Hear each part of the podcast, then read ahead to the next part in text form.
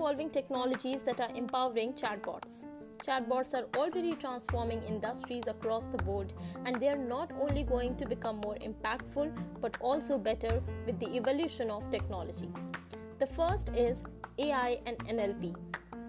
Chatbots based on preset Q&A scripts where users respond by selecting buttons instead of typing themselves. The first type of bot is the easiest to implement and can still make a major impact on the business or any other organization. The second is tools for e commerce. Chatbots have proven to be highly effective at increasing sales for many types of businesses.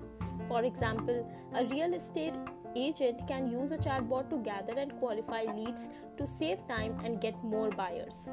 The next is voice activation technology. Voice activated chatbots interact with users via pre recorded audio responses instead of written text. The next is interoperability. Today, chatbots exist separately in many different places on websites, in Facebook, Messenger, and WhatsApp. This on different platforms would mean ultimate ease of use. You could chat with a bot on Facebook Messenger to browse products. Chatbots on their own are already a powerful technology. They can provide engaging service and information automatically, instantly, and at scale. But when coupled with other advancing technologies, they'll soon be even more useful for individuals, businesses, and other organizations. Thank you.